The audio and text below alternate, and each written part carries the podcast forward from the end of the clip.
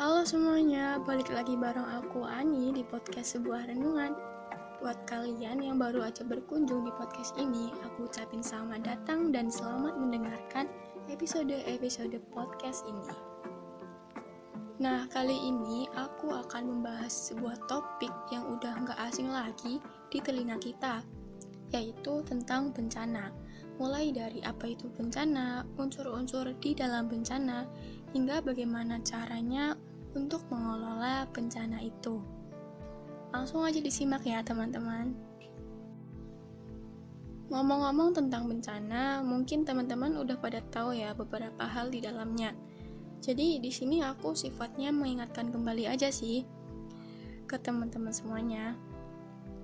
Nah, sebenarnya bencana itu apa sih?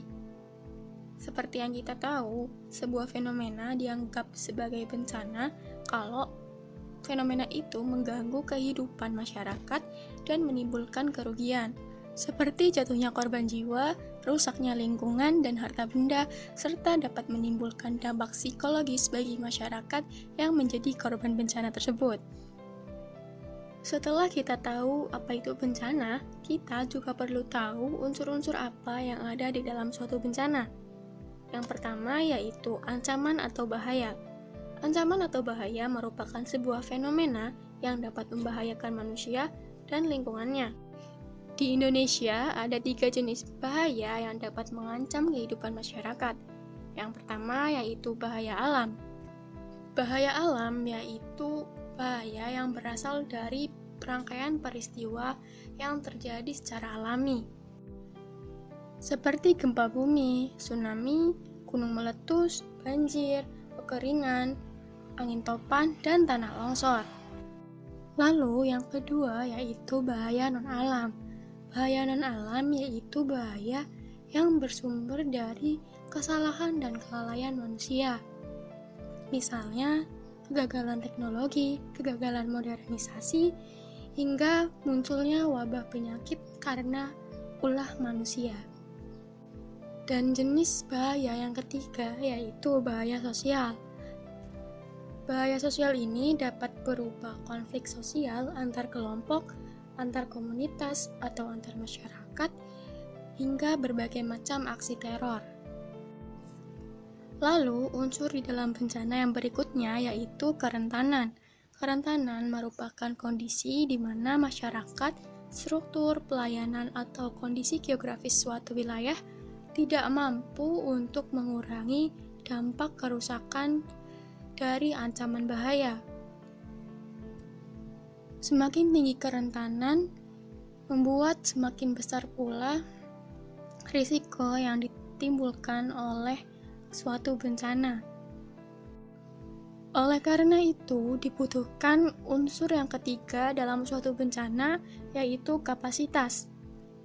Kapasitas merupakan sumber daya atau kemampuan yang dimiliki masyarakat dan lingkungan buat mencegah, mempersiapkan, mengatasi, dan memperbaiki dampak dari suatu bencana.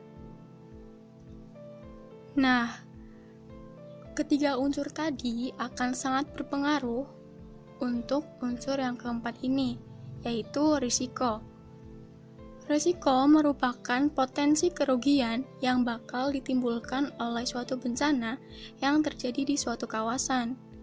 Oleh karena itu, penting untuk menganalisis ancaman dan kerentanan dari suatu masyarakat ataupun suatu lingkungan, serta diperlukan upaya-upaya untuk meningkatkan kapasitas pada masyarakat dan lingkungan sekitar supaya kerugian yang ditimbulkan oleh suatu bencana dapat semakin minimal. Kalau di Kabupaten Kebumen, salah satu ancaman bahayanya itu bersumber dari alam, seperti banjir, tanah longsor, angin kencang, dan lain-lain. Tapi di episode ini aku hanya akan membahas tentang banjir. Teman-teman udah pada tahu lah ya kalau di Kebumen itu banyak sungainya, yang masih aktif dan banyak airnya juga. Kayak Sungai Lukulo, Kedung Bener, Sungai Lesung, dan lain-lain. Kalau musim hujan, sungai-sungai itu rawan meluap dan bisa membanjiri daerah pemukiman warga di sekitar sungai tersebut. Selain sungai, kondisi lingkungan juga berpengaruh loh, seperti banyak atau tidaknya sampah di lingkungan sekitar tempat tinggal kita. Nah, supaya risiko yang ditimbulkan dari bencana banjir semakin minimal, maka kapasitas masyarakat dan lingkungan di daerah yang rawan banjir perlu ditingkatkan. Di sinilah peran kita sebagai generasi muda sekaligus mahasiswa dibutuhkan untuk membantu masyarakat Kebumen dalam menghadapi masalah banjir. Nah, untuk meningkatkan kapasitas masyarakat dan lingkungan, kita perlu memahami dan melakukan pengelolaan bencana yang baik. Upaya pengelolaan bencana terdiri dari tiga tahap, yaitu pra-bencana, saat bencana, hingga setelah bencana. Pada tahap pra-bencana, terdapat beberapa upaya yang dapat kita lakukan. Yang pertama yaitu mengetahui istilah-istilah peringatan yang berhubungan dengan bahaya banjir, seperti siaga 1 sampai dengan siaga 4 dan langkah-langkah apa yang harus dilakukan. Yang kedua yaitu mengetahui tingkat kerentanan tempat tinggal kita, apakah berada di zona rawan banjir atau tidak. Lalu yang ketiga, mengetahui cara-cara untuk melindungi rumah kita dari banjir. Yang keempat, yaitu melakukan persiapan untuk evakuasi, termasuk memahami rute evakuasi dan daerah yang lebih tinggi. Dan yang kelima yaitu menyimpan berbagai dokumen penting di tempat yang aman. Kemudian, pada tahap saat bencana, kita juga dapat melakukan beberapa upaya, seperti yang pertama, yaitu menyimak informasi dari berbagai media mengenai banjir yang sedang terjadi di wilayah kita. Lalu, yang kedua, segeralah mengevakuasi diri dan keluarga, serta masyarakat sekitar ke tempat yang lebih tinggi. Yang ketiga, kita harus waspada terhadap arus bawah, saluran air, kubangan, dan tempat-tempat lain yang tergenang air dan tidak bisa dilihat oleh kita. Lalu, yang keempat, jika kita akan mengevakuasi diri dan keluarga, kita harus memastikan barang-barang di rumah sudah diletakkan di tempat yang aman. Kemudian, jaringan listrik di rumah juga harus dimatikan. Namun, jangan menyentuh peralatan yang bermuatan listrik apabila kita sedang berada di dalam air. Dan tahap yang ketiga yaitu pasca bencana. Pada tahap ini, kita bisa melakukan beberapa upaya yang pertama yaitu hindari air banjir karena kemungkinan ada kontaminasi zat-zat berbahaya dan ancaman tersetrum oleh listrik.